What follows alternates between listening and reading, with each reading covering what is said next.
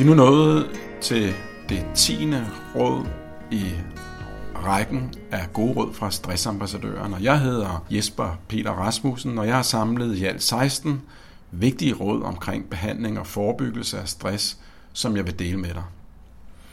Hos Stressambassadøren vil vi arbejde for et stressfrit samfund og gennem oplysning og forebyggelse og rådgivning lave bæredygtige strategier, så vi i højere grad kan skabe en hverdag, hvor vi kan leve i balance med os selv og hinanden og leve et liv uden stress. Det tiende råd handler om, hvordan jeg træffer den bedst kvalificerede beslutning, så jeg ikke behøver at bruge unødig stressenergi på beslutningerne efterfølgende. Så hvornår er en beslutning egentlig den rigtige, og hvordan træffer vi de rigtige beslutninger? Og ja, hvis jeg havde svaret, så ville jeg nok være en lykkelig mand, der kunne have undgået en del af de fejltagelser, som jeg selv har foretaget igennem livet, men som jo på den anden side også er en naturlig del af alle menneskers liv. Det er jo nærmest helt utroligt menneskeligt at fejle, men mange af os vil selvfølgelig gerne lære vores fejltagelser, så vi ikke gentager dem igen og igen, og det ville jo også være rart, hvis man kunne øh, kvalificere sine øh, valg og sine handlinger på en bedre måde. Det vil jeg give et bud på her. Og mit bedste bud på en metode til at træffe de bedste og mest velkvalificerede beslutninger er at gøre det med hovedet, med hjertet og med maven. Når du har de tre elementer med, træffer du ikke kun beslutninger fra dit hoved, der i øvrigt ofte er meget hurtigt til at komme med konklusioner, men de træffes også ud fra dine kropslige fornemmelser og i forhold til, om du har hjertet med. Og hvorfor er det så vigtigt? Ja, hvis vi altid træffer beslutninger med hovedet, kommer vi ofte til at træffe for hurtige beslutninger, beslutninger, der giver mening i nuet, men vi misser også andre væsentlige aspekter.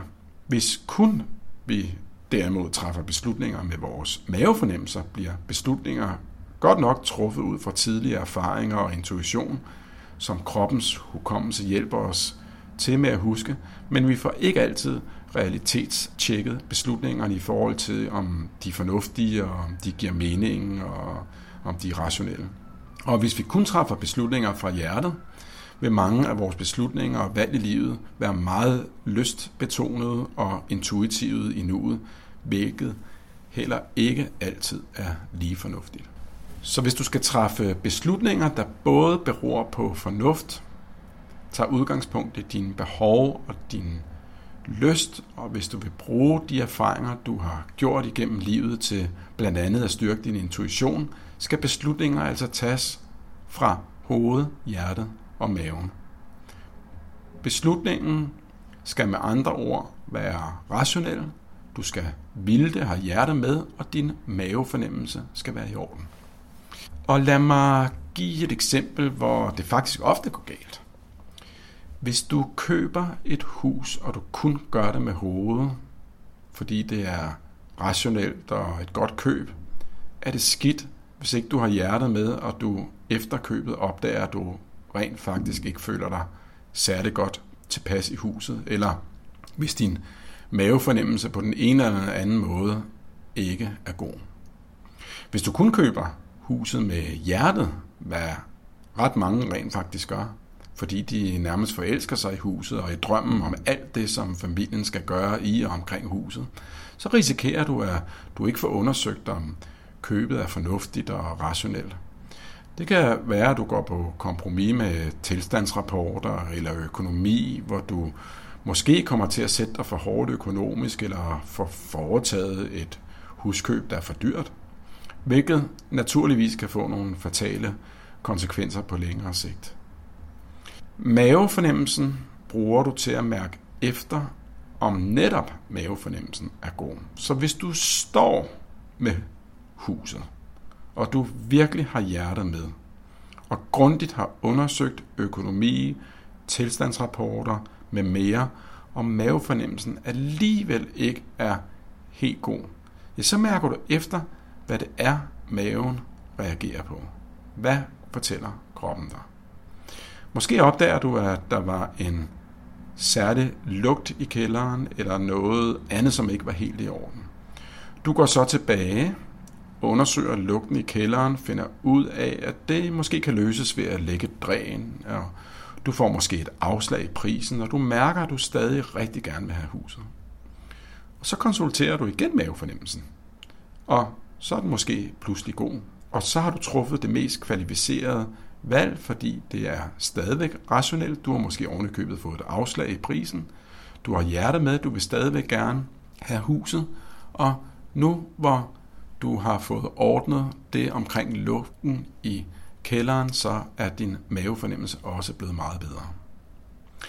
Eller hvad med jobsamtaler?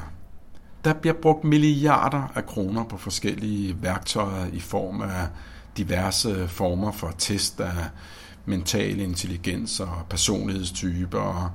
Jeg skal selvfølgelig passe på med ikke at tale de her værktøjer ned, selvom jeg må indrømme, at indimellem så tvivler jeg på effekten af nogle af de værktøjer.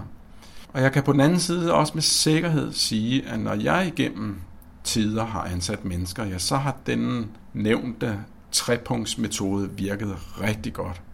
Og hvis jeg, som jeg også har gjort, har lavet en fejlansættelse og kigger tilbage på processen, så har jeg stort set altid kunne se, at der var et eller måske to af punkterne, som jeg ikke fik lyttet ordentligt til. Og ofte har det været en mavefornemmelse, der ikke var i orden, som jeg efterfølgende ikke fik undersøgt ordentligt. Enten fordi jeg virkelig gerne ville ansætte vedkommende, eller fordi jeg måske har været under pres i forhold til at skulle have løst en given opgave. Og det samme gælder jo i øvrigt, hvis man sidder i den anden stol. Altså ansættelser er jo et gensidigt forhold, hvor det er vigtigt, at du både gerne vil have jobbet, undersøger virksomheden, du gerne vil have jobbet i, tager og siger ja til jobbet under de rette vilkår, og tjekker, at din mavefornemmelse er god. Og hvis mavefornemmelsen ikke er god, ja, så diskvalificerer det ikke nødvendigvis, men det er så vigtigt, at du undersøger, hvad det er, der ikke føles godt, så du kan give det et ekstra tjek. Og hvad er det så med mavefornemmelsen, der er så vigtigt? Ja, man åbner op til kroppen og til de kropslige sanser for at få udbytte af alt det, som mavefornemmelsen består af, af den kropslige hukommelse og erfaringer, man har gjort sig igennem hele livet, og også nogle af de oplevelser af erfaring, som man ikke længere kan huske, men som kroppen stadig kan. Og dette tema samt fokus på stressbehandling og forebyggelse generelt, er blot nogle af de temaer, som vi arbejder med på vores online-kurser, hvor du kan blive stressfri på mindre end 10 uger, og som du kan læse mere om på stressamp.dk. Rigtig god fornøjelse.